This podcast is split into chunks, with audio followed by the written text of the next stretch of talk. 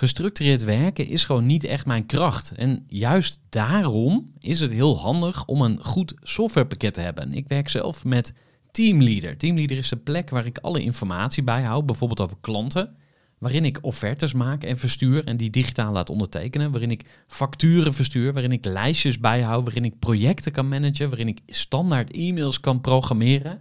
Kortom, ik gebruik Teamleader om alle werkprocessen van mijn bedrijf te stroomlijnen. En zeker ook als je met een team werkt, is het heel fijn om over dezelfde informatie te beschikken. Nou, als je ook benieuwd bent of er mogelijkheden zijn om jouw bedrijf meer te stroomlijnen, of je nu alleen werkt of met een team, ga even naar teamleader.nl slash groeivoer en je kunt dan vandaag nog een trial starten voor twee weken lang, gratis. En je kunt Teamleader volledig uitproberen. En na de proefperiode krijg je ook nog zo'n leuke korting als luisteraar van Groeivoer. Ga naar teamleader.nl slash groeivoer. Gooi voor. Gooi voor. Zoek je inzicht, inspiratie voor je eigen bedrijf. Wil je elke dag iets leren? Luister dan naar Gooi voor. Welkom bij een nieuwe aflevering van de Groeivoer podcast. In deze aflevering hoor je het verhaal van Elma van Vliet. Elma is de maker van het boek Mam, vertel eens. Toen haar moeder ernstig ziek werd, maakte zij voor haar dit boek. En alles in haar leven veranderde daardoor. Mam, vertel eens zorgde in de eerste plaats voor een diepe verbinding tussen Elma en haar moeder. Maar daarnaast werd het ook nog eens een groot commercieel succes. Mam, vertel eens en varianten op dat boek, zoals Pap, vertel eens of Opa, vertel eens en ga zo maar door, zijn in 24 landen vertaald.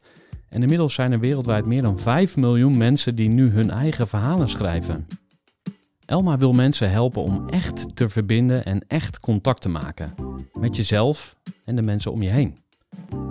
Nou, laten we maar eens echt contact gaan maken, Elma. Welkom bij de podcast. Hi, leuk om hier te zijn. Dankjewel voor je uitnodiging. Voor de kennis en ideeën van een interessante gast. Die haar verhaal met jou wil delen. We gaan het over eh, diep filosofische dingen hebben. eh, maar ook over ja, hele platte aardse zaken. De business, het, eh, het ondernemersverhaal achter jouw bedrijf. Ehm, ik heb je onder andere uitgenodigd omdat er heel veel mensen zijn die een boek schrijven, maar daar niks mee verdienen. Jij hebt meerdere boeken inmiddels in je assortiment. Je hebt zelfs een uitgeverij. Ja, en je verdient er geld mee. Dus dat Ja. vind ik heel knap. Maar ehm, eh, mijn trigger was de podcast die ik over mijn eigen moeder aan het maken ben. Mijn moeder is eh, 25 jaar geleden overleden. En eh, ja, daar komt dan ook die vraag naar boven van wie was zij nou eigenlijk? En iemand reikte toen jouw, jouw boek aan en zo dacht ik van, oh, dat is eigenlijk toch wel een heel mooi eh, verhaal. Ehm, maar goed, voor we daar helemaal in gaan duiken, eh, eerst wat meer over jou. En de vraag jou, wil je ons eens voorstellen aan de kleine Elma? Het meisje. natuurlijk. De kleine Elma. Mooie vraag eh, om mee te beginnen. Ehm, ik denk dat ik als klein meisje best introvert was en verlegen. En ehm, wel altijd al wel een rijke fantasie. Hield van tekenen, knutselen. Mijn moeder knutselde ongelooflijk veel met ons. Ik kan me nog herinneren dat er in de woonkamer zo'n laag tafeltje, dat heb ik nu ook, had ik vroeger ook met mijn kinderen. Daar zaten we dan urenlang te knippen en te vreubelen. En eh, dat vond ik heel erg leuk. En ja, we speelden buiten. Ik denk, eh, je, ging naar, je ging naar binnen als de straatlantaarns aangingen. Dan was het etenstijd. En eh, je speelde buiten met je vriendjes en je vriendinnetjes. En ja, dat was ik als klein meisje. Ja, broers, zussen. Twee broers, twee ongelooflijk gave broers. Een grote broer, Peter, en een klein broertje, alhoewel klein, hij is langer dan ik, eh, Marin. Ja. En ehm, wat was jouw rol in het gezin? Mijn rol in het gezin. eh, ik denk als meisje tussen twee jongens eh, leer je al snel dat je niet de sterkste bent, eh, dan maar de snelste of de slimste. Dus ja, mijn rol in het gezin was, ik speelde veel met mijn grote broer. Daar keek ik ook ongelooflijk tegenop. En ik zorgde, ja nog steeds. En ik zorgde een klein beetje voor mijn kleine broertje. Nog steeds? Ja, en hij ook een beetje voor mij. Ik denk dat we allemaal wel groot geworden zijn, maar eh, ja. En wat heb je meegekregen van je ouders? zowel genetisch gezien, wat, wat zit jou zeg maar, in de genen, eh, als in opvoeding? Wat, wat voor dingen heb je meegekregen? Ik denk, eh, nou ja, eh, een hoop mensen zeggen dat ik uiterlijk ongelooflijk veel op mijn moeder lijk. Leuk, vind ik een mooi compliment. Ik vond mijn moeder echt een prachtig mens. En wat ik meegekregen heb is, ja, hard werken, ehm, niet zo snel klagen, niet zo snel piepen. Goed voor de mensen om je heen zorgen. Ehm, wat je doet, moet je goed doen. Als je wat begint, maak je het af.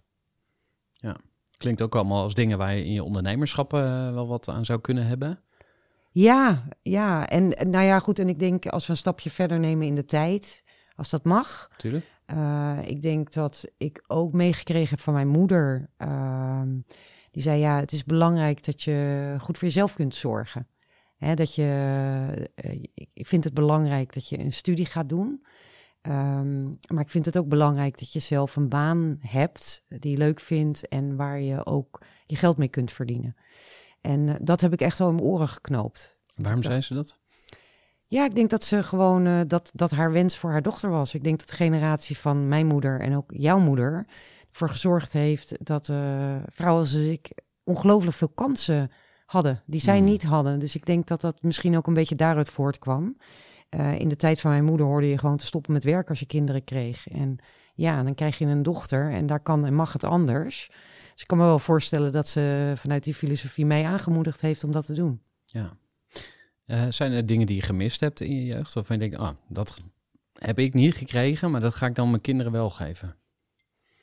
Ik denk dat, ehm, nou ja, wat ik mezelf voorgenomen heb toen ik eh, moeder mocht worden, is dat ik echt wel de allerbeste versie van een moeder wilde zijn. En eh, ik heb een creatief hoofd.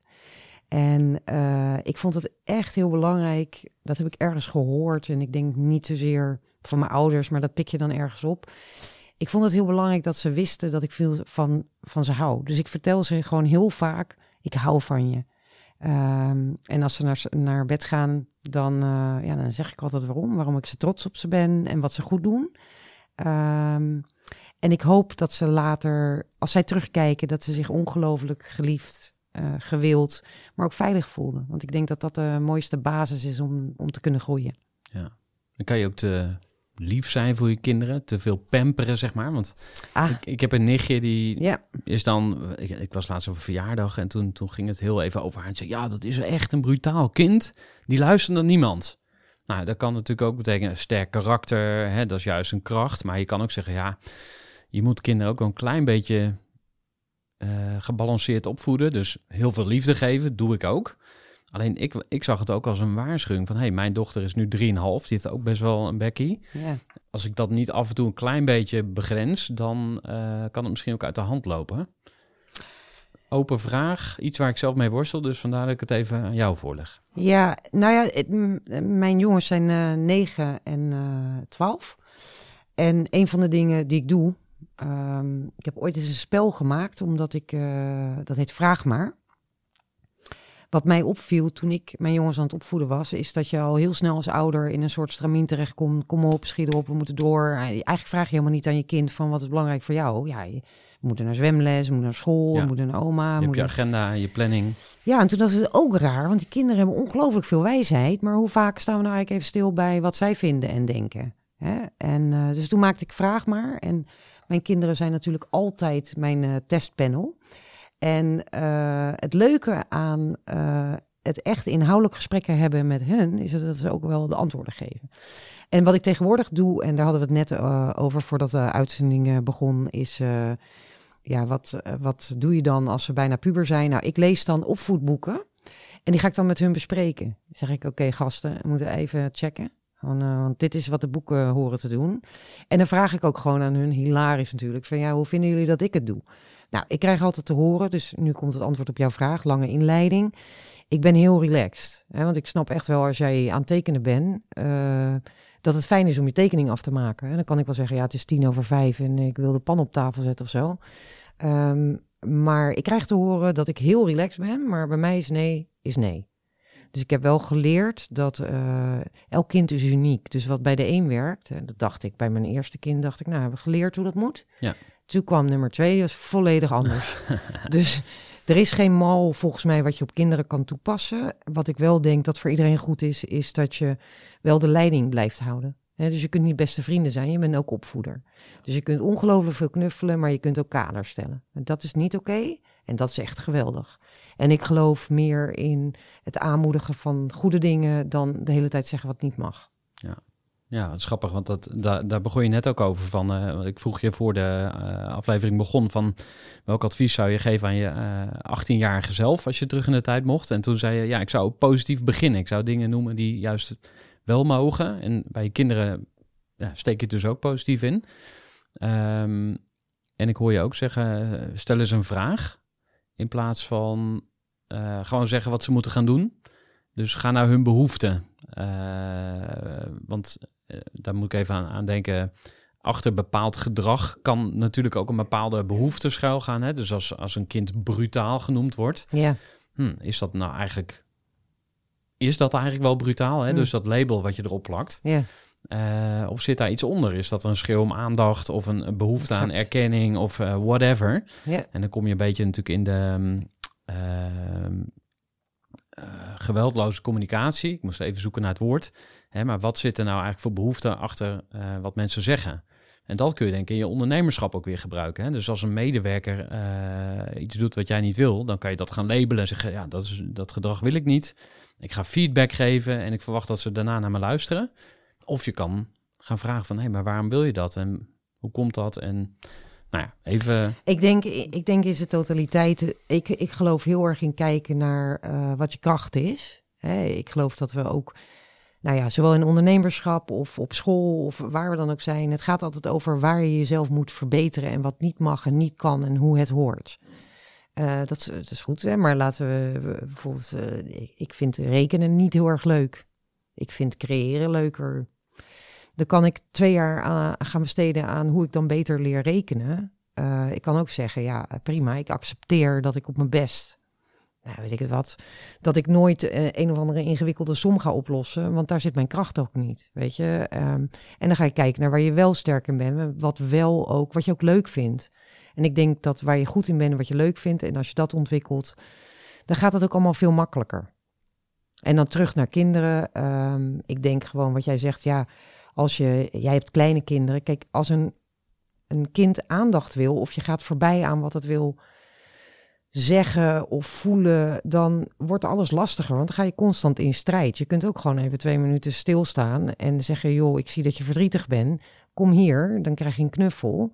Maar we spreken wel af dat je dit en dit niet mag doen. Maar dan erken je eh, wat er gaande is en dan kan je het ook afsluiten. Wat is je beste eh, eh, boekentip over opvoedboeken? Ik heb er een paar gelezen, maar welke zou jij eruit pikken? Ik denk, eh, lees, wat je, lees wat je interesseert, maar kijk vooral naar je kind. En naar jezelf. Hè, eh, dus ik heb ook wel eens gehad dat ik dacht van, nou ja, dan eh, zei iemand, had ik gelezen, ja, je moet een, een maaltijdschema maken of zo. Dan moet je dan helemaal inplannen. En dan moet je dan van maandag tot vrijdag heb je dan inkopen en half zes. En dan weet iedereen wat je gaat eten. Klinkt echt als iets voor jou. Heel gestructureerd. en ik dacht, nou, dat is echt een oplossing. Maar weet je wat? Dat werkt gewoon niet voor mij. Weet je, het werkt niet voor ons gezin. Ehm, dus ik kan wel gewoon van alles eh, lezen en dan denk ik, dat moet ik ook gaan doen. Maar als het niet bij je past, dan past het niet. Dus ik denk in opvoedstijlen. Je kunt honderd boeken lezen over helikopterouders. eh, ehm, of over hoe je het beste moet opvoeden. Ik denk gewoon een bak liefde, rust, regelmaat, reinheid. Die is dan van mijn moeder. Eh, en daartussen go with the flow. Weet je, vergeet ook niet te genieten. Ik denk met kinderen en opvoeden, er is altijd een plan en het loopt altijd anders. En dat is ook oké.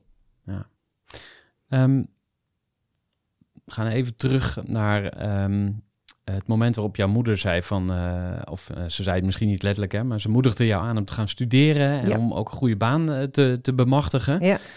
Wil je ons dus in vogelvlucht een soort samenvatting geven van jouw loopbaan voordat je ging ondernemen? Ja, Dus wa- wat heb je gestudeerd en wat voor soort baan heb je gedaan en waar?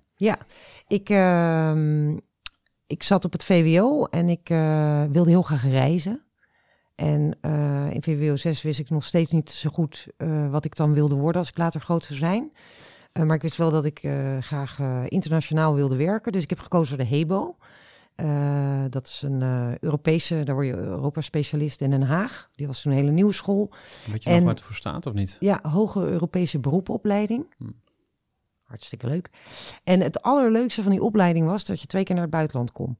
Dus ik heb een jaar in Italië gestudeerd, in Ancona.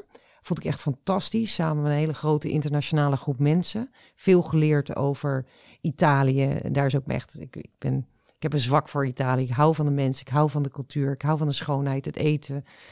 Ehm, dus ik heb daar een jaar eh, gestudeerd, teruggegaan en toen een stage bemachtigd in Amerika. In Denver bij een organisatie en die heette Up With People. Dat is een eh, musical, internationale musical, die, eh, met een cast van mensen van, vanuit de hele wereld. En die werden dan eh, in eh, Denver opgeleid, in zes weken geen professionals, maar echt ja, jonge mensen. En die werden getraind door de beste, weet je. Dus de, de dansers van Michael Jackson trainden hun. En het hele idee was dat zij dan in elke stad waar ze kwamen niet alleen de show deden, maar ook community service zouden doen en bij gastgezinnen zouden slapen. Met als filosofie, eh, ja, maak samen de wereld een betere plek, maar dat begint bij te snappen hoe de wereld in elkaar zit. En ik was eh event manager, dus betekende dat ik altijd eh, een maand of twee voor de groep uit eh, reisde. En daar alles organiseerde. Eerst op het hoofdkantoor en toen hebben ze me een vaste baan aangeboden. Dus toen heb ik dat gedaan. Dus ik heb 2,5 jaar door Amerika en Canada gereisd. Totdat ik dacht, nou, ik wil geloof ik weer terug naar huis. Was er iets dat je miste of zo? Of waar, waar, waar voelde je aan van, oké, nu is het klaar? Ehm, ik denk dat ik alles wel gezien en gedaan heb. En heel veel reizen is echt heel erg leuk, maar is ook vermoeiend. En ik was gewoon toe aan een thuisbasis. En eh, ja, dus toen belde ik mijn oudste vriendin en ik zei, ik denk dat het tijd is om terug te komen. En zei ze, nou, kom je dan in Delft wonen? Dus ik, ja. En zo is het gegaan. Dus ik ben Ja. teruggegaan naar Nederland. En toen eh, dacht ik, ja, ik zal toch iets moeten doen. Hè? Mooi diploma op zak, veel internationale ervaring. En ik dacht, nou ja, ik ga gewoon naar het uitzendbureau. Toen kwam ik terecht eh, bij een organisatie heel... Ja, het uitzendbureau wist ook niet precies wat ze deden. Ze deden iets met nationale dekking en mobieltjes. Nou ja, dat was toen allemaal nog niet zoals het nu is. En eh, nou, ik werd aangenomen voor drie weken en ik moest het archief op orde brengen. Eh, en om een lang verhaal kort te maken, ik heb een gesprek gehad met de HR-directeur die mijn baan aanbood. Die zei, nou, het is fantastisch, kom je bij ons? Ik zei, nou ja, goed, eh, wat ga ik dan doen? Ja, iets met communicatie in een internationale omgeving. Ehm, dus ik zei, nou prima, hartstikke leuk. En dan ga ik wel op zoek naar een echte baan. Maar ik vond eh, die organisatie geweldig. En het was natuurlijk een start-up. En het was, was allemaal Orange nieuw. of, ja, het is ja. later Orange geworden. Begon als Dutchstone. Eh ja, fantastisch team. eh, hard werken natuurlijk. Eh, alles was nieuw, alles was uitvinden. Ik Maar ik heb daar- Je begint helemaal te stralen ook als je Ja, over het was een geweldige tijd. Ja, een geweldige tijd. Ook geweldige mensen om van te leren. Heb echt ongelooflijk hard gelachen daar. En echt zoveel geleerd. Ook hoe het niet moet. Ehm, ja, totdat mijn moeder ziek werd. me belde en zei... El, zou je mee willen gaan naar het ziekenhuis? Want volgens mij gaat het niet goed. En het ging ook niet goed. We werden daar in een, eh, in een kamertje geroepen bij een arts. En eh, die arts zei, ja...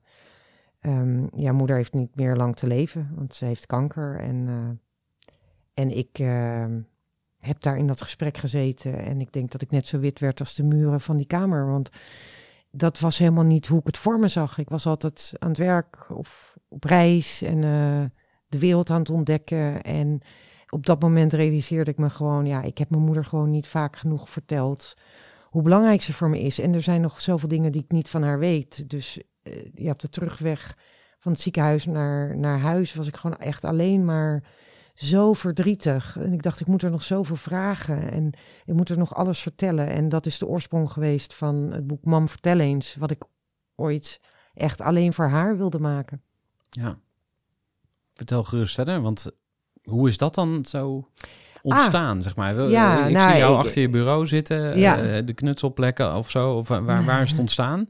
En, en hoe ging je dat dan doen? Wat, hoe heb je dat, de- die eerste versie van het boek gemaakt?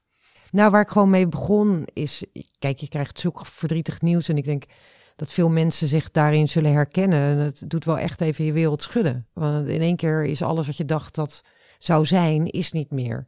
En eh, hoe het bij mij begonnen is, is dat ik echt dacht, ja, maar ik heb er nooit gevraagd eh, wat het recept, als ik vroeger ziek was, dan maakte ze altijd kippensoep. En als ik jarig was, mocht ik altijd kiezen wat we mochten eten. En dat vond ik zo ongelooflijk lekker. Dus ik dacht, ja, maar ik heb dat recept helemaal niet. En uh, ja, maar is ze eigenlijk vroeger voor mijn vader op iemand anders verliefd? En van wie heeft ze de eerste zoen gehad? Maar wat wil ze dan nu nog doen in haar leven? En hoe zat het eigenlijk met mijn opa? En zag ze die vaak? En hoe was de relatie met haar moeder? Dus het is eigenlijk begonnen met al die vragen die ik aan haar had. Die heb ik gewoon opgeschreven. En um, ja, dat waren dagen en nachten. En ik zette er gedichten tussen. Hè. Dus het was echt mijn manier om met slecht nieuws om te gaan. Om te denken, ja, ik, ik, vind, ik hoop zo dat ik antwoorden krijg voordat het niet meer kan. En dat was toen mijn grootste wens. En um, ik denk een paar weken daarna um, was ik met een vriend uh, op het terras iets aan het drinken. En hij zei, hoe gaat het met je moeder? Ik zei, nou, niet zo goed. Maar ik ben uh, iets voor haar aan het maken. En toen zei hij van ja, maar dat is echt egoïstisch als je dat voor jezelf houdt. En er zijn zoveel mensen die hier behoefte aan hebben. En er is helemaal niets. Hè. Er was helemaal nog geen vragenboek. Nu is dat heel normaal.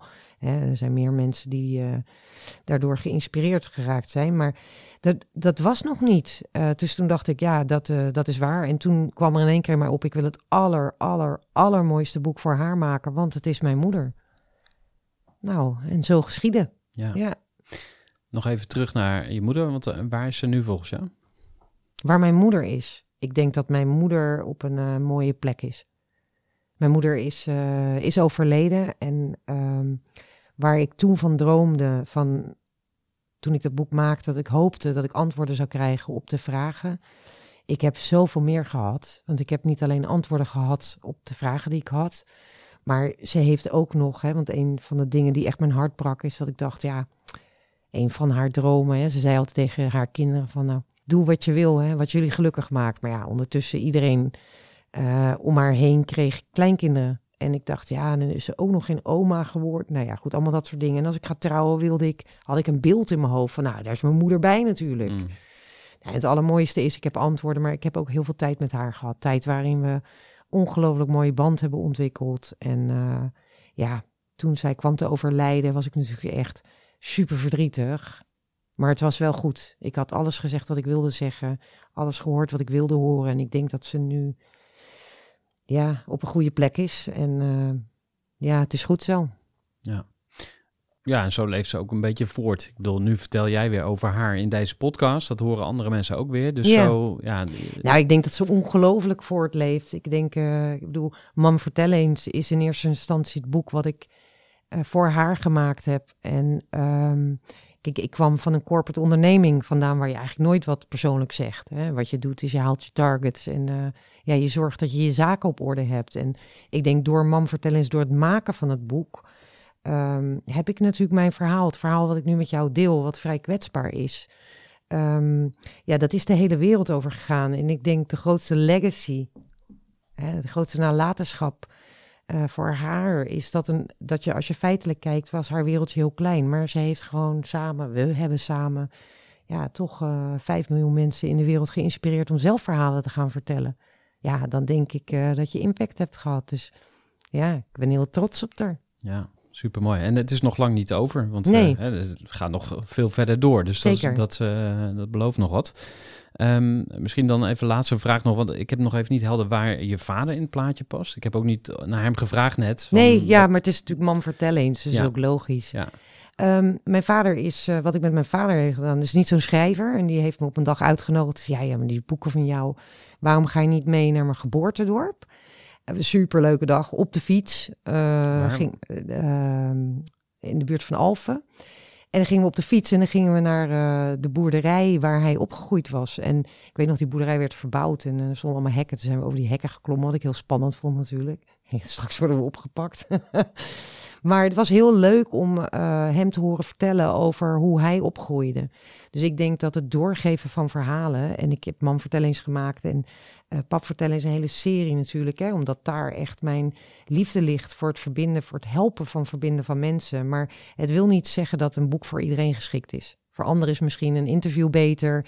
Nou ja, hij heeft me meegenomen op de fiets. Ik, ik vond dat echt heel leuk. Dat ik dacht, oh, had je een zomerhuis en een winterhuis dan? Hoe werkt dat? En, eh, dus dat was ook heel inspirerend. Dus ik denk dat eh, dat ook wel een mooie boodschap om, om te geven is. Hè. Het start ook wel een beetje in de lijn waar we net mee bezig waren. Niet alles werkt voor iedereen. En dat is ook oké.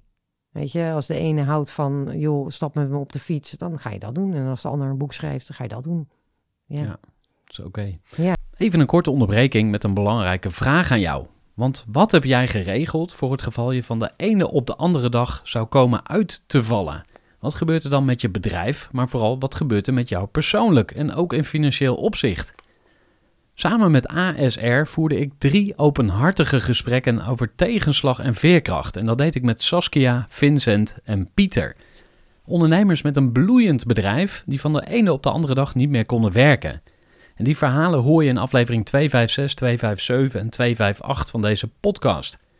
Als ondernemer wil je natuurlijk niet uitvallen. En daarom is het belangrijk dat je veerkrachtig bent, want voorkomen is beter dan genezen. En als het dan toch misgaat, is het fijn dat je iets geregeld hebt, zodat je weer snel door kunt met ondernemen. Wil je weten hoe veerkrachtig jij nu bent? Vul dan in twee minuten de veerkrachttest van ASR in. Ga naar asr.nl slash veerkrachttest ondernemers. Je zei net dat er eh, een vriend was waarmee je op het terras zat. En die Ja. zei, ja, dit moet je niet voor jezelf houden. Eh, kijken of je dat verder kan brengen. Ik las ergens anders, of ik hoorde het in, in een, podcast met jou... dat Ja. er ook mensen waren die zeggen... ja, waar ben je nou mee bezig? Je gaat Ja, toch niet natuurlijk. corporate carrière aan, de, aan de wil gehangen. En je gaat daar nooit geld mee verdienen. Hè? Dus eh, interessante dilemma. Wil je eens vertellen hoe die transitie gegaan is van... ja, je eerste eigen boek Ja. naar, hey, hier zit misschien wel een bedrijf in, of ik wil het groter maken, of misschien zelfs wel mijn baan opgeven. Wat, Ja. wat is daar gebeurd tussen die twee momenten? Nou ja, kijk, ehm, ik heb dat boek uitgegeven. Ik, ik mocht bij een eh, uitgever aanschuiven en ik denk dat ik daar zo'n bevlogen betoog hield. Van ja, dat boek moet er komen en het is een boek met vragen. En dan, dan, ja, dan vult je moeder dat in en dan krijg je dat weer terug. Ik denk dat die man gewoon dacht, nou ja, weet je, ze neemt toch geen nee voor antwoord. Dus laten we het maar doen. Hij was geïntimideerd. Geen idee. Ik denk dat ik, ik gewoon heel gepassioneerd was. ja, ja, ja, nee, was een grapje natuurlijk. Ja, nee. Welke uitgever was het? In die boekspectrum. Oké, ja. Ja, en eh, nou ja, goed. En daar was het voor mij eigenlijk klaar. Dat ik dacht, ja, ik ga gewoon eh, terug naar kantoor. Want ik heb gewoon heel hard gestudeerd en ik heb een hele gave baan. En, eh, ja, en toen kreeg ik een brief van een meisje en die zei, beste Elma van Vliet. Ja, onwijs leuk dat boek voor moeders. Maar mijn moeder is er nooit voor mij geweest. En mijn jeugd is afwezig geweest. Ik heb maar één held en dat is mijn vader. Dus waar is mijn boek? Ja, en daar was voor mij soms heb je van die momenten in je leven die je nooit vergeet. Die je denkt, ja, ja, belminuten, want daar komt het eigenlijk op neer. Verschil maken. Ja, en bij ja, mij... Dus je was belminuut aan het verkopen bij Orange. ja, weet nee, ik, Eh, deed, ik had een fantastische baan. Maar, die ja. endresult wat je brengt aan Ja. mensen is dat ze natuurlijk wel verbonden zijn. Maar ja, goed, zo'n bedrijf is er natuurlijk ook wel gewoon om geld te maken. Ja, die moeten al die salarissen betalen. Ik had dit. En uh, of verschil maken. En ik voelde gewoon echt zo sterk in mijn zijn of in mijn buik van ja, dit is belangrijk. Weet je, gewoon verschil maken als maar in, in het leven van één meisje. Ja, dus ik geloof dat ik drie dagen later. Nee, ik belde mijn moeder nog. Ik weet nog dat ik onderweg was van een belangrijke afspraak. Nou ja, je kent wel slides en powerpoints en zo.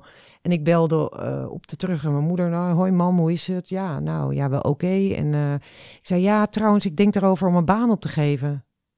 Nou, zei mijn moeder, ik denk dat dat een goed idee is. Ik vond jou een beetje bleek rond je neus. En die zei, ja, maar mam, dan krijg je helemaal geen uitkering. Of ik weet helemaal niet, al die jaren. En mijn moeder zei, ach meisje, kom wel goed, volg je hart maar. En ik denk dat ik dag daarna mijn brief heb ingeleverd. En als reactie krijg, want de, dan, ja, ik zei, nou ja, goed, ik denk dat ik schrijfster word of snowboardlerares. Ik was er toen nog niet helemaal uit. En uh, ja, natuurlijk waren mensen bezorgd. Ja, dan heb je zo'n uh, mooie carrière en je hebt eigenlijk alles bereikt wat je toen zo belangrijk vond. Hè? Ik had een auto van de zaak, ik had gave collega's, een mooie functie, ik reisde de wereld over. En ja, dus eigenlijk alles wat je wilde had ik, maar ik was niet heel gelukkig. Ja. Dus je zei je baan op? Ja. En had je toen al een plan of heb je dat pas daarna gedaan? Ja, bij mij ontstaat het eigenlijk gewoon altijd. Weet je, natuurlijk uh, heb je stippen op de horizon, maar ik heb ook wel geleerd dat als je met je hoofd, hè, want uh, businessplannen maken, dat is allemaal best ook zakelijk en rationeel. En soms vertelt je hart gewoon heel wat anders. En bij mij is eigenlijk altijd weer dat ik weer dicht bij mijn gevoel kom en dat dan ga volgen. Dus wat gebeurde er met papvertellings? Dacht ik, ja, ik, uh, het is belangrijk dat ik dat niet helemaal zelf ga bedenken. Dus ik heb toen allerlei vrienden uitgenodigd bij mij thuis. Een uh, biertje ingeschonken en hamburgers. En aan hun gevraagd, wat wil je nou nog aan je vader vragen? En er zaten mannen bij die hun vader waren verloren. Mannen die een ingewikkelde relatie hadden met hun vader of een goede. Maar ik ben ook met vaders gaan praten. Wat wil je doorgeven aan je kinderen? Ja, vond ik mega fascinerend. En ik denk dat ik in dat proces ook mijn liefde ontdekt heb voor het verbinden van mensen. Ik dacht, maar wat hier gebeurt is echt, echt heel belangrijk. Dat je mensen dichter bij elkaar brengt. En vaak zijn het aannames of we weten niet meer hoe we verhalen moeten vertellen. Of we weten niet hoe we juist met de mensen die dicht bij ons staan, hoe we ons daarmee moeten verbinden. Dus ik maakte pap vertellen eens en natuurlijk kwam toen uh, bij mij de gedachte op, ja, er is een generatie van opa's en oma's. Die hebben alles meegemaakt, hè? hebben een wereldoorlog meegemaakt, de eerste televisie, de eerste radio. Uh, zometeen weten we alleen nog de feiten uit de geschiedenisboeken. Maar die persoonlijke verhalen over wie ze waren en waar ze vandaan kwamen, die moeten we bewaren. Dat is belangrijk. we leven tegenwoordig in een wereld waarin je met één druk op de knop kunt zien wat er in Japan gebeurt en in Australië. Maar dan is het des te belangrijker dat je weet waar je vandaan komt. Want 50% van je genen zit toch echt in die familielijnen. Hmm. Um, en waarom is dat zo belangrijk? Wat levert dat op als je dat dan weet?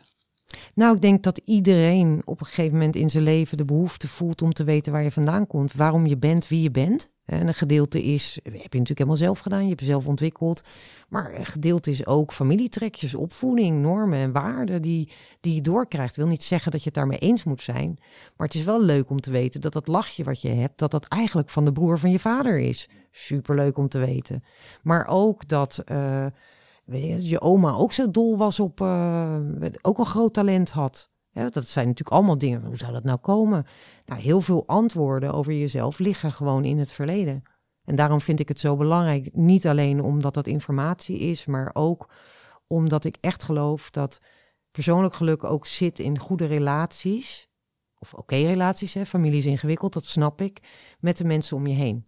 Ja. En daar wil ik heel graag een bijdrage aan leveren, omdat ik echt denk dat het gaat over verbondenheid. Verbond, je verbonden voelen met jezelf en de rest van de wereld is een grote factor van geluk. Ja. Ik moet ook aan familiesystemen denken. Hè, wat ja, absoluut. sinds het boek van Els van Stein, denk ik, uh, in de aandacht gekomen is. Of, of ja, ja uh, algemene bekendheid gekregen heeft. Heb je daar mee gesurfd als ware die uh, golf van populariteit voor dat gedachtegoed? Of heb je het in je boeken verwerkt? Of nou, ik heb heel veel onderzoek gedaan. Kijk, het is natuurlijk prachtig, hè? Um, want zeker, jij refereerde er net aan. Kijk, toen ik als eerste in Nederland een vragenboek uitbracht, ja, natuurlijk zei iedereen, ja, je gaat toch geen leeg boek kopen? En ik bleef maar uitleggen, ja, het is nu een leeg boek, maar zometeen, als het gevuld is, is het meest kostbare boek wat je kunt hebben en kunt doorgeven aan de volgende generaties. Hè. Voor mij lijkt me echt fantastisch als er over 200 jaar ergens een jongetje of een meisje leest over een bed ouder, maar niet alleen toen was ze geboren of was hij geboren, maar ook dit is wat we deden na schooltijd. Dat je echt denkt, nou, hè, mijn kinderen kunnen nu al niet meer voorstellen hoe dat dan was. Dat je dan thuis moest blijven omdat iemand misschien ging bellen. Hmm. Hè, of een cassettebandje. Nou, die gasten hebben geen idee. Maar moet je even nagaan dat als je dat over 200 jaar doet en je hebt dan het verhaal van je familie, dat is mega waardevol. En of ik meegesurfd heb, ik heb altijd heel goed onderzoek gedaan door me, voor mijn boeken en voor wat ik doe. Dus ik heb het ook laten controleren door psychologen. Omdat ik ook, me ook wel gewoon echt er degen bewust van het was. Dit is niet uh, een psychologisch boek. Dit is een verhalenboek. Dus ik heb dat ook echt laten controleren. Omdat ik echt goed wilde doen. En zeker wilde weten dat ik het zo deed. Hmm. Ik probeer uh, een, een, beeld te krijgen van uh, wie ben jij ook als ondernemer. Ja. En misschien kunnen we dan eens beginnen met uh, de vraag van uh, wat is volgens jou een goede ondernemer en hoe scoor je jezelf dan op die meetlat? Ah. Want je hebt natuurlijk bepaalde talenten, hè? je bent heel creatief. Je riep net ook iets van, ja, ik hou niet van rekenen. Dat is misschien het zakelijke stukje. Ja. Uh, ik hoor je net wel weer zeggen van, ah, ik doe wel echt onderzoek. Je doet ook marktonderzoek met de einddoelgroep, hè? die vaders die je dan ja. spreekt. Um, Maar ik probeer nog even het overzicht te krijgen, zeg maar, van wat maakt jou volgens jou een goede ondernemer? Ik denk dat een, uh, is mijn definitie van ondernemerschap voor mij. Hè? Dus ik, uh, ik, ik, claim niet te weten hoe het moet. Maar ik denk dat je heel goed moet weten wat je talenten zijn. En ook heel goed um, moet voelen um, wat het is dat je wil brengen of bereiken.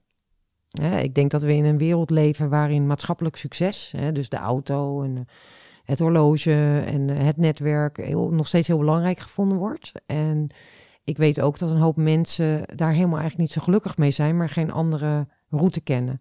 En ik denk dat bevlogen ondernemerschap, laten we het dan maar zo noemen, uh, heel erg draait om, ja, ik wil graag iets brengen aan de wereld. En, uh, maar het is altijd weer ontdekken wat goed bij jou past. Ik heb ook uitstapjes gemaakt waarvan ik dacht, nou, lijkt me echt geweldig. Had iemand gezegd, nou weet je wat slim is, moet je dit of dat gaan doen. Dan ging ik het doen. Maar dan merkte ik gewoon dat ik deed dat omdat ik dacht dat het moest. En ik kon het ook wel, maar ik bleef er niet heel veel plezier aan. Dus ondernemerschap voor mij is, ja, ik heb mijn doelstelling gewoon heel helder. Ik ben ongelooflijk bevlogen op het gebied van verbinding. Daar wil ik, ik wil gewoon zoveel mogelijk harten verbinden als ik kan. En ik vind mijn, mijn rol daarin is om mensen te helpen. Ik heb me daarin bekwaamd. Twintig jaar ervaring. Uh, met ongelooflijk veel mensen gesproken. Um, dus die kennis zet ik graag in om anderen te helpen om ook dichter bij zichzelf en bij anderen te komen. En hoe ik dat doe, ja, natuurlijk maak ik een plan van, joh, ik, uh, hè, ik, ik wil graag op het gebied van kinderen verschil maken, want veel mensen worstelen in, in opvoeden. Um, en ik hou er niet van om tegen mensen te zeggen hoe je het moet doen. Ik denk namelijk dat mensen dat echt wel zelf kunnen, maar je kan wel een beetje hulp gebruiken. Um, dus ik maak wel plannen, maar ik heb ook geleerd dat om af en toe je koers aan te passen. Um, heb ook gewoon mijn Excel-sheets uh, die ik doe. Hè. Dus ik ben uh, wel ondernemer, maar een van de mooie dingen is ook... Ik heb vorig jaar uh, mijn eigen uitgeverij opgericht. was voor mij um, een stap naar ook een stukje onafhankelijkheid. En ook de mogelijkheid om zelf te kiezen wat ik wilde maken, op welke manier en welke uitvoeringen. Um, vond ik spannend. Uh, maar ik merkte daarin ook dat je dan. Um, uh, ja, dat, het kost ook gewoon tijd. Het is ook een ambacht. Uh, dus ik ben heel blij met Robert van Dijk, business director, die sinds september werken we samen. En ik merk dat ik daardoor me meer kan richten op mijn creativiteit. En ik denk dat dat goed is. Dus dat, is mijn, dat zijn de stappen die ik nu doe. Dus je zet een, je zet een doel. En ik denk dat je flexibel moet blijven in de, in de route die je daarin kiest. Ja. Is dat een beetje een antwoord? Ja, nee, zeker. En uh, er komen natuurlijk altijd uh, weer nieuwe vragen op. Want um, uh, je zei ik van, ik heb mijn baan opgezegd. Toen ben ja. ik bij een uitgever terechtgekomen. Zou je dan ook zeggen dat die eigenlijk mede verantwoordelijk is voor het zakelijk succes? Of ja, moet, nou ja, ik denk dat je, zijn je waarop... kunt dingen niet alleen doen. Hè? Dus met, met Mam vertel eens. Kijk, er was toen nog niet zo'n boek. En het aller, allermooiste, en ik, ik hoop dat ik dat nooit verlies, is dat ik dingen met ongelooflijk veel liefde maak. Um, dat deed ik toen, dat doe ik nu nog steeds. Um, en het mooie van Mam Vertellings is dat, uh, ja, in het begin gebeurde natuurlijk niks. Het was iets nieuws, maar toen was er ergens in een vriendinnengroep, zei iemand, nou, het fantastisch boek, dat moet je echt hebben. En die ging al haar vriendinnen, denk ik, bellen. Ik weet niet precies. Degene nu, die luistert, meld je even. Dan wil oh, ja. ik je even danken. um, maar ja, wat je zag in Nederland is eigenlijk stad voor stad werd Mamvertellings uitverkocht. Uh, en het, toen ging het eigenlijk heel hard. En kwamen er prachtige verhalen uh, boven tafel. De media die me ging interviewen. Dus de prachtigste FD. Uh, um, het, het, weekblad Vriendin. Telegraaf, maar ook de, ja, de, de titels die misschien inhoudelijk wat, wat zwaarder waren. En ja, toen werd het fenomeen levensverhaal werd geboren. En ja, toen ja, voor mij een aanmoediging uh, om verder te gaan. Maar ik denk met name de reacties die ik kreeg, want ik zal nooit een literatuurprijs winnen. Maar als je, als je mij vraagt, wat is nou eigenlijk de grootste, waar word jij als ondernemer blij van? Dat zijn de e-mails, uh, de verhalen over de boeken over hoe waardevol ze zijn. En tot op de dag van vandaag raakt dat me en zie ik dat als een aanmoediging om verder te gaan. Ja, mooi. Ik ga even een quote voorlezen van je LinkedIn, die ja. ik tegenkwam. Die vond ik wel grappig. En hij gaat als volgt. Haastige ontbijtjes, outfits samenstellen aan de hand van je sneakers, 13 meetings op verschillende plekken, Engels, Nederlands en Duits door elkaar spreken, proost op twee borrels en heerlijk eten bij het diner dat ik gaf voor de partners en uitgevers waarmee ik internationaal werk. Dat is de tussenstand na drie dagen Frankfurter boegmessen. Nou, ik vond hem heel vet. Ik dacht, ah, heerlijk. Het ondernemersavontuur, internationaal ondernemen. En ehm, nou, je hebt, eh, als ik me niet vergis, 5 miljoen boeken verkocht. Samen met mijn partner. Met je Ja. partners. Ja. Stel je verdient een euro eh, per boek. Ja, Dan heb je een hele leuke winst. En zelfs als het maar 50 cent is. ja. Ehm, dus ehm, wat ik bijzonder vind, en dat zei ik ook in mijn intro even, van heel veel mensen schrijven een boek en dan is van tevoren eigenlijk al het verhaal van ja, met een boek ga je geen geld verdienen. Je moet daar andere verdienmodellen bij verzinnen. ja. Voor jou is het eh, de kern. En ja, hoe, hoe werkt dan die business? Daar ben ik zo benieuwd naar. Waarom lukt het jou dan wel en al die an- andere mensen niet? Je hebt een uitgeverij. Ehm, nou, even terug naar de, naar de boegmessen en die quote. Ja, ik moet echt grinniken. Want voor mij is de, de boegmessen, dat is één keer per jaar, de boekenbeurs. En eh, ja, ik vind dat het een walhalla van mensen die van boeken houden. Weet je, iedereen is daar. En ja, ik ga daar al 10, 12 jaar heen. En daar bouw je ook gewoon eh, vriendschappen op. Dus het is altijd, hè, zeker na twee jaar corona, ja, fantastisch. Maar goed, het is mega groot. Dus je moet, ja, ik heb ooit, ooit nam iemand me eens die zei, ja, het is echt beter dat je dan gewoon begint bij eh, de schoenen die je aantrekt en dan een outfit. Niet meer andersom. Ik heb wel eens een jaar hak aangehad. Nou, dit het einde van de dag was dat niet, eh, was geen aanbeveling. Dus dat is dan de swing op de, op de boegmessen. Ik vind het echt fantastisch. Zo leuk. Eh, je mag over je werk praten. Eh, je ontmoet oude vrienden. Je ziet wat de trends zijn. Je, eh, je proost met elkaar. Dus het is ook wel echt een plek waar mensen die van verhalen houden samenkomen. Dat is wel echt uniek. Voor mij echt wel een van de hoogtepunten in het jaar. En hoe werkt dat nou? Ja, er zijn duizend en één manieren om. Ik, ik, ik heb gewoon ooit eens eh, twintig jaar geleden besloten dat ik graag die boeken wilde maken. En ehm, dat is niet iedereen gegund, ben ik helemaal met je eens. Ik, eh, ik kon dat omdat er gewoon ongelooflijk veel van mijn boeken verkocht werden. Ehm, want de boekenbusiness, als je eh, een beetje je huiswerk gedaan hebt, ja, de marges zijn niet heel groot. Dus je moet er wel ongelooflijk houden van wat je doet. Ehm, dat deed ik en dat doe ik. En ik ben toen met het verhaal van mijn moeder vastbesloten geweest. Niet zozeer van, joh, ik wil internationale expansie. Nee, mijn missie was, elk kind ter wereld gun ik het verhaal van zijn vader, moeder, opa en oma. En eh, ik denk twintig jaar geleden waren er niet zoveel mogelijkheden als er nu zijn. Dus ik ben gewoon met dat boek onder mijn arm gewoon misschien naïef. Samen met een eh, literair agent, Marianne Schoenbach, zijn we gewoon de wereld gaan veroveren. Ja, en dat is gelukt. En kijk, het mooie is natuurlijk, maar dat hoef ik niemand te vertellen. Kijk, op het moment dat in Duitsland je boek gepubliceerd wordt en het wordt heel groot, omdat je daar echt tijd, aandacht, energie en alles wat je hebt ingestopt hebt, ja, dan volgt het volgende land vanzelf. Eh, en het volgende land. En toen mijn boek in de US door Penguin, ja, dat is natuurlijk het mekka. Dat is echt. 2017. eh, Ja, was dat is natuurlijk fenomenaal. Ik bedoel, ik heb geloof ik een dag onder mijn bureau gelegen. Ik dacht, gebeurt dit echt? Gebeurt dit echt? Wil je, hè? Ja, het gebeurde echt.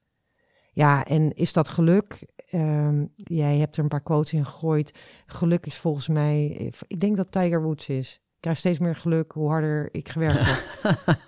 ja, dat is natuurlijk ook wel Mooi, zo. Ja, ik ja. ben gepokt, gemazeld. Ik weet alles van papier. Ik weet alles van mijn vakgebied. Ik ben gepassioneerd over het verbinden, over harten verbinden. Hè. Ik heb het ook nooit over verkochte boeken. Dat is niet mijn doelstelling. Mijn doelstelling is hart verbinden. Hmm. Ehm, en natuurlijk, weet je, ehm, eh, moet ik ook gewoon de rekeningen betalen en doe ik investeringen, soms heel handig, soms wat onhandig. Maar eh, dat is hoe het werkt. En als je het over uitgeven zelf hebt, ja, wat ik nu heel gaaf vind, en ehm, daar voel ik me ook echt vereerd door, is dat ik steeds door steeds meer ongelooflijk mooie partners word benaderd voor samenwerkingen op het gebied van verbinding. Want dat kan met een eigen uitgeverij. Dus eh, ja, dan krijg je gesprekken met partijen die gewoon ook echt iets te bieden hebben. En dat je samen echt een power package hebt.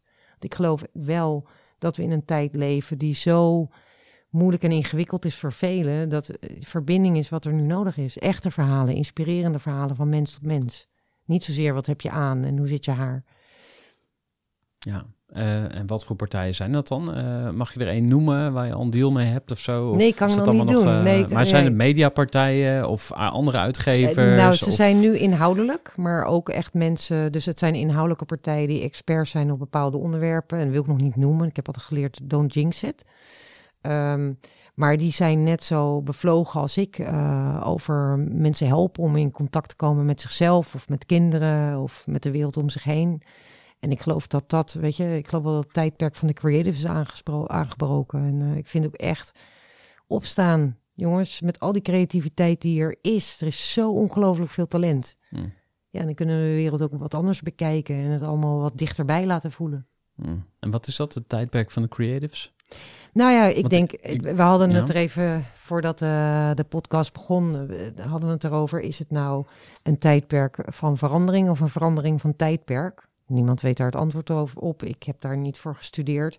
Maar ik voel wel dat een hoop oude manieren van doen, de manier waarop we altijd alles deden, ja, dat werkt gewoon niet meer. Mensen lopen erop vast, mensen vallen uit. Hè.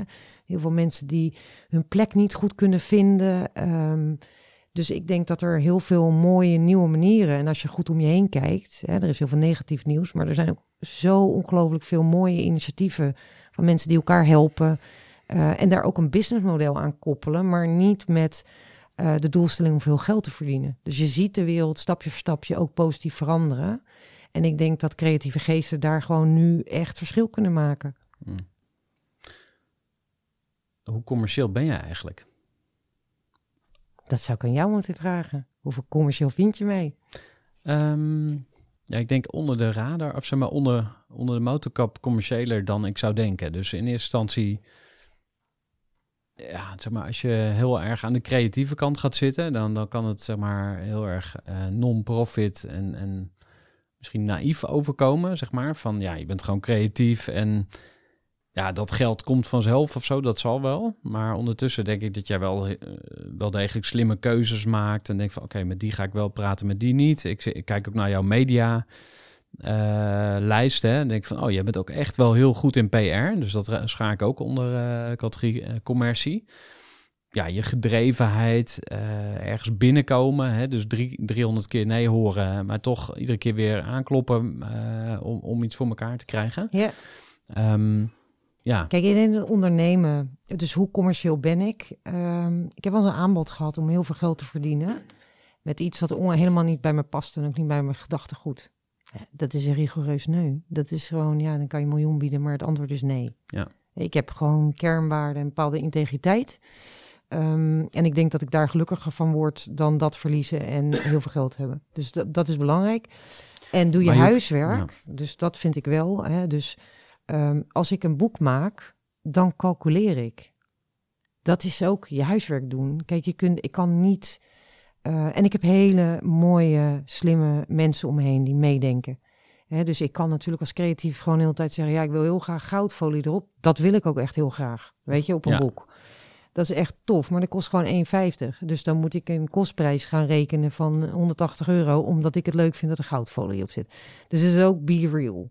Ehm, dus eh, in de commercie, als je een boek gaat maken, ja, dan moet je calculeren hoeveel tijd. Ik besteed altijd meer, veel meer tijd aan dan dat ik dacht dat ik zou doen. Maar goed, volgens mij doet elke ondernemer dat. En in de uitvoering, ja, moet je gewoon rekenen. Je moet het ook nog rond kunnen rekenen. En dat vind ik onderdeel van voorbereid zijn, goed nadenken. Je moet nadenken voor wie je wat maakt, ehm, wat kan, wat niet kan. En vervolgens daar gewoon eh, ja, mee aan de slag gaan. En weten wat je aan het doen bent, maar ook weten voor wie je wat maakt. Wat ga je brengen in plaats van wat ga je halen. En dat je vervolgens... ehm, ehm, natuurlijk is het geweldig om over mijn werk te mogen praten. in Ik vind het geweldig, ja, ik vind het geweldig om hier te zijn. En hè, ik merk ook de, de afgelopen tijd ben ik wat meer in de media geweest. Ik word gevraagd door hele mooie mensen om eh, te spreken over bevlogen ondernemerschap, over hoe het is om als vrouw ondernemer te zijn. Volgens mij werkt het toch net wat anders dan bij mannen. Ik heb gewoon twee kleine kinderen. Hoe doe je dat? Ehm, ja, je moet ook kiezen weer, weet je. Ik bedoel, als ik moet kiezen tussen een kinderpartijtje van mijn kind of een interview. Ja, ik ben gewoon bij mijn kind. En ik doe niet meer aan alles mee. Dat heb ik ook moeten leren. Hè. Ik heb mezelf ook wel eens over de kop gewerkt. Dat ik weer om half uur s'nachts dingen te doen. Dus eh het komt misschien over als eh, one big fairy tale. Maar nee, ik heb ook 22.000 fouten gemaakt. Ja. Is er een die eruit springt, waarvan je denkt van nou, als ik iemand mag waarschuwen, Ja, als het niet goed voelt, als je buikje vertelt eh, dat je het niet moet doen, moet je het gewoon niet doen. Of ga bij jezelf te raden. Ik heb te vaak, ik denk dat al mijn fouten, mijn grote fouten, niet alleen zakelijk, hè, want ik geloof niet zo in het onderscheid tussen, als je ondernemer bent, dat er privé en zakelijk is. Ik neem gewoon mijn privé mee naar mijn werk en mijn werk mee naar mijn privé. En ik denk dat dat voor veel mensen geldt. Hè. Dus ehm, ja, de grootste fouten die ik maakte is dat het niet goed voelde en dat ik mezelf ging overtuigen dat ik dat moest doen. Hè? En eh, ehm, dus ik denk dat. Even- Maar heb je daar een voorbeeld van? Of is er eentje die eruit springt voor jou van nou, toen ben ik echt... Ja, ik ben een keer een eh, online avontuur begonnen. En ik, het voelde gewoon helemaal niet fijn. Eh, wat ik aan het doen was, met wie ik het aan het doen was en de routing. Maar ik dacht, ja, dat moet. En wat was het plan? Online cursussen verkopen of Nee, zo? nee, nee, eh, gewoon eh, online mijn boeken. En dan kreeg ik bijvoorbeeld een boze brief van een opa. En die zei, beste Elma van Vliet. Nou, ik heb u dan best goed leren kennen. Ik kende de beste man niet. Want dit is het tiende boek van mijn kleinkind wat ik van u krijg. Kunt u hier niet een makkelijke oplossing? Er niet gewoon wat typen of zo online? Toen dacht ik, ja, die man heeft gewoon gelijk. Ehm, dus ja, toen heb ik een platform, en dat is vijf jaar geleden of tien jaar geleden. Ik ben nooit zo goed met data, heb ik dat gedaan. Maar het, het- terwijl ik het deed, dacht ik, ja, mijn hart zit er niet in. Maar ja, dit is nodig. Mijn hart zit er niet in, dit is niet nodig. Ja, uiteindelijk is het niet gelukt. Ik was te vroeg. Hè, toen was het allemaal, tegenwoordig kan er zoveel moois en zoveel prachtigs. Ja, dit is gewoon ongelooflijk veel geld gekost. En niet alleen dat, maar ook gewoon slechte nachten. Ja, en uiteindelijk trek je dan de Dat stekker eruit. ja, Ja, ja. en denk ja, oké, dit, dit, maar het voelde vanaf het begin gewoon niet goed. Ehm, dus dat is wel een grote ondernemerschout en dure, eh, maar ook gewoon in tijd. Weet je, je krijgt dan toch een tik. Dus ik heb wel geleerd als het niet goed voelt. Dat is dan mijn tip naar andere ondernemers. Als het niet goed voelt, joh, ga even bij jezelf te raden. Doe je dit omdat je denkt dat je het moet doen? Of dat anderen het je verteld hebben? Is er iets echt wat jij wil of niet? Of is het tijdelijk? Eh, maar je buik weet zoveel. Weet je, je moet altijd je hart volgen. Het klopt altijd gewoon. In die end, als je terugkijkt naar je gaafste momenten in je leven... Weet je, dan is het altijd, je ging ergens achteraan waar je blij of gelukkig van werd. Of je ontdekte iets dat je hart sneller deed kloppen. Er is niet voor niets dat er zoveel uitdrukkingen zijn eh, over je buik en je hart, weet je wel. Dat is eh, toch ook wel volgens mij de kern van ondernemerschap. Ja. Do what makes you happy. Toch nog een quote eh, bij me op die ik laatst tegenkwam. En dat was heel simpel. Same seed, different soil. En daar moest ik even aan denken van... Als je hetzelfde zaadje in een andere grond eh, plant, dan komt er misschien iets heel anders uit. En eh, als je ondernemer bent, dan zit je misschien in een business. En dan denk je, ja, ik moet dit doen. Hè? Eh, En dat, dat is ook een van de ondernemersadviezen altijd. Van zet door, geef niet op, maak het af. Hè? Je noemde het als een van de lessen die je van huis uit ook meekreeg. eh, geloof ik, van afmaken waar je mee bezig bent. Maar soms kan het dus ook tegen je werken. Dan moet je dus eigenlijk juist zeggen van... hey, nee, ik ga niet doorzetten. Want het past niet meer bij me. Ik voel het niet meer. ehm, ik ga het stopzetten. Ik ga afscheid nemen. En wat nou als je dat zaadje dan in een andere grond laat vallen? Misschien gebeurt er dan weer iets nieuws. Ja, ik denk dat traditioneel gezien dat, een, dat het altijd succesvol is als je hoger op de ladder komt. Het impliceert ook een beetje een tunnelvisie, want je kijkt alleen maar zo. Groei is voor mij ook naar om je heen kijken en naar rechts en naar links. Dus ik ben het ongelooflijk eens met wat je zegt. En ik vind het ook een hele mooie quote die ik mee ga nemen. Weet je, in sommige omgevingen kom je gewoon niet goed tot je recht. Heb je het idee dat je iets moet zijn of iets moet doen? Terwijl dezelfde jij in een andere kamer met andere mensen kom je helemaal tot je recht. Dus ik denk ook dat het je verantwoordelijkheid is, je eigen verantwoordelijkheid van niemand anders, om eh, dicht bij jezelf te blijven. Wie ben je? Waar, waar gaat je hart sneller van kloppen? Sommige dingen heb je te doen, hè? Als ondernemer, ik bedoel, als ik op vakantie ga, de Belastingdienst stuurt echt niet een briefje van... eh hey Elma Vervliet, wat leuk dat je op vakantie bent, weet je wat? We gaan even drie weken niet met je mailen. Ehm, we hebben allemaal dingen te doen, omdat ze moeten. Maar ik denk dat groei gewoon, eh, dat we ook mogen kijken naar groei in de breedte. Eh, hoe groei je als mens en hoe pas je daar je leven op aan? En ik denk dat wat jij zegt, dat is echt heel erg waar. Weet je, en soms kan je niet anders dan rechtdoor blijven gaan. Ja, dan ga je rechtdoor. Maar het is ook wel je verantwoordelijkheid om om je heen te blijven kijken. Om te kijken hoe het met mensen om je heen gaat, met jezelf, maar ook af en toe je koers aan te passen. We gaan eh, nog even vooruitkijken. En dan Ja. moeten we helaas alweer afsluiten. Ehm, je hebt al heel wat bereikt. maar waar zou je nog naartoe willen? Wat, wat, wat is jouw toekomstvisie? Laten we zeggen de komende tien jaar. Of nou ja, laat je vooral niet uh, beperken door uh, mijn vraagstelling. Maar wat zou je graag nog willen? Hoe, hoe ziet jouw toekomst uit, denk je?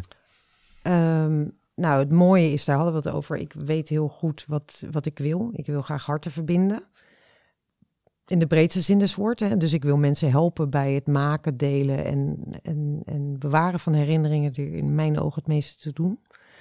Um, dat kan op allerlei gebieden. Op het gebied van kinderen, met je geliefde. Um, dus dat wil ik gewoon blijven doen in allerlei soorten, vormen en maten. Uh, ook buiten boekgebied. En daar ben ik mijn eerste stap aan het zetten. Vind ik super leuk. Vind ik ook super spannend. Hè? Je denkt, oké, ik heb het nog nooit gedaan, maar laten we eens kijken hoe ver ik kom. Op een podium staan bedoel je? Of, uh... Ook, ja. Heb ik ook op een podium gestaan. Bleek dat ik dat ongelooflijk leuk vond. Maar ik vond dat echt super spannend. Ik dacht, ja, goed. Maar goed, toen ging die zaal heel enthousiast doen. Toen dacht ik, nou, dit is echt een wijselijk leuke mensen allemaal.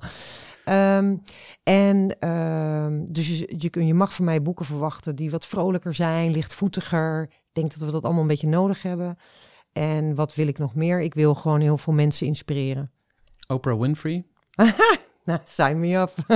ja. Ja, maar je bent voorlopig dus nog lang niet uitgespeeld uh, met deze missie. Nee, maar ik heb mezelf ook beloofd als ik geen inspiratie meer heb en ik, ik ben niet meer gelukkig, dan ga ik wat anders doen. dus ik stel mezelf die vraag wel elk jaar. Wat uh, wil ik nog verder? En, uh, toen ik net begonnen was, heb ik nog wel eens getwijfeld. En ik kreeg nog wel belletjes van, joh, anders kom je in Dubai werken. ja, dat is superleuk. Maar ja, in de end dacht ik, ja, ik wil helemaal nergens heen. Hmm. Ik ben gelukkig waar ik ben. En ja, en zeker nu met de kinderen, weet je, we zijn zo goed geaard. En zij zijn om echt mijn basis. Ja. So I'm good. En nog veel dromen, weet je. Ja, vijf miljoen harten verbonden. Ik, ik ga voor tien. Ja. Let's go. Ja. Ik wilde nog vragen, wat is je beste les over ondernemen? Uh, je hebt er eigenlijk ook al een paar weggegeven. Is er nog één die eruit springt? Waarvan je denkt van, nou, als ik één ding op... Uh, je mag een e-mail sturen aan alle ondernemers van Nederland. Wat, wat zou jij dan... Nou, ik denk, uh, zorg goed voor jezelf. het is echt, ik weet, het is echt zo'n Cliché. Uh, ja, het is echt cliché, maar het is wel waar. Weet je, ik denk dat het je verantwoordelijkheid of uh, maak er fun van om jezelf goed te kennen en te weten uh, wat het is dat jou drijft. Voor mij in ieder geval, ondernemers die mij inspireren, die hebben altijd een, een, ja, een passie en een bevlogenheid. Weet je, als iemand van 87 horen praten, dacht ik, nou, ik moet gewoon, nou, ik moet daarbij horen, omdat daar liefde inzat voor wat die persoon deed. En ik denk dat uh, als je ondernemer bent, weet je, en er zijn allerlei verschillende ondernemers, maar goed, als je echt bezield ondernemer bent, weet je, blijf ook bij jezelf. Weet je, je bent de persoon die je tien jaar geleden was, ben je nu niet meer. Maar pas daar ook je onderneming en je leven op aan. Dat mag als je ondernemer bent. Je hebt geen baas die zegt dat jij om acht uur moet beginnen. Als het voor jou beter werkt om eerst uh, een rondje te gaan hardlopen of eh, dan doe je dat, weet je. Maar dus weet, weet wat je drijft. Dus uh, volg je hart, altijd. Weet je, en be practical about it. Maar ja, zorg goed voor jezelf. Weet je, zorg dat als anderen naar je kijken, dat ze ook blij worden van jou. Mooi. Dankjewel, Elma. Het was leuk om hier te zijn. Jij bedankt. Voor. Gestructureerd werken is gewoon niet echt mijn kracht. En juist daarom is het heel handig om een goed softwarepakket te hebben. Ik werk zelf met Teamleader. Teamleader is de plek waar ik alle informatie bijhoud, bijvoorbeeld over klanten. Waarin ik offertes maak en verstuur en die digitaal laat ondertekenen. Waarin ik facturen verstuur, waarin ik lijstjes bijhoud, waarin ik projecten kan managen, waarin ik standaard e-mails kan programmeren. Kortom, ik gebruik Teamleader om alle werkprocessen van mijn bedrijf te stroomlijnen. En zeker ook als je met een team werkt, is het heel fijn om over dezelfde informatie te beschikken. Nou, als je ook benieuwd bent of er mogelijkheden zijn om jouw bedrijf meer te stroomlijnen, of je nu alleen werkt of met een team, ga even naar teamleader.nl slash groeivoer en je kunt dan vandaag nog een trial starten voor twee weken lang, gratis. En je kunt Teamleader volledig uitproberen. En na de proefperiode krijg je ook nog een leuke korting als luisteraar van Groeivoer. Ga naar teamleader.nl slash groeivoer.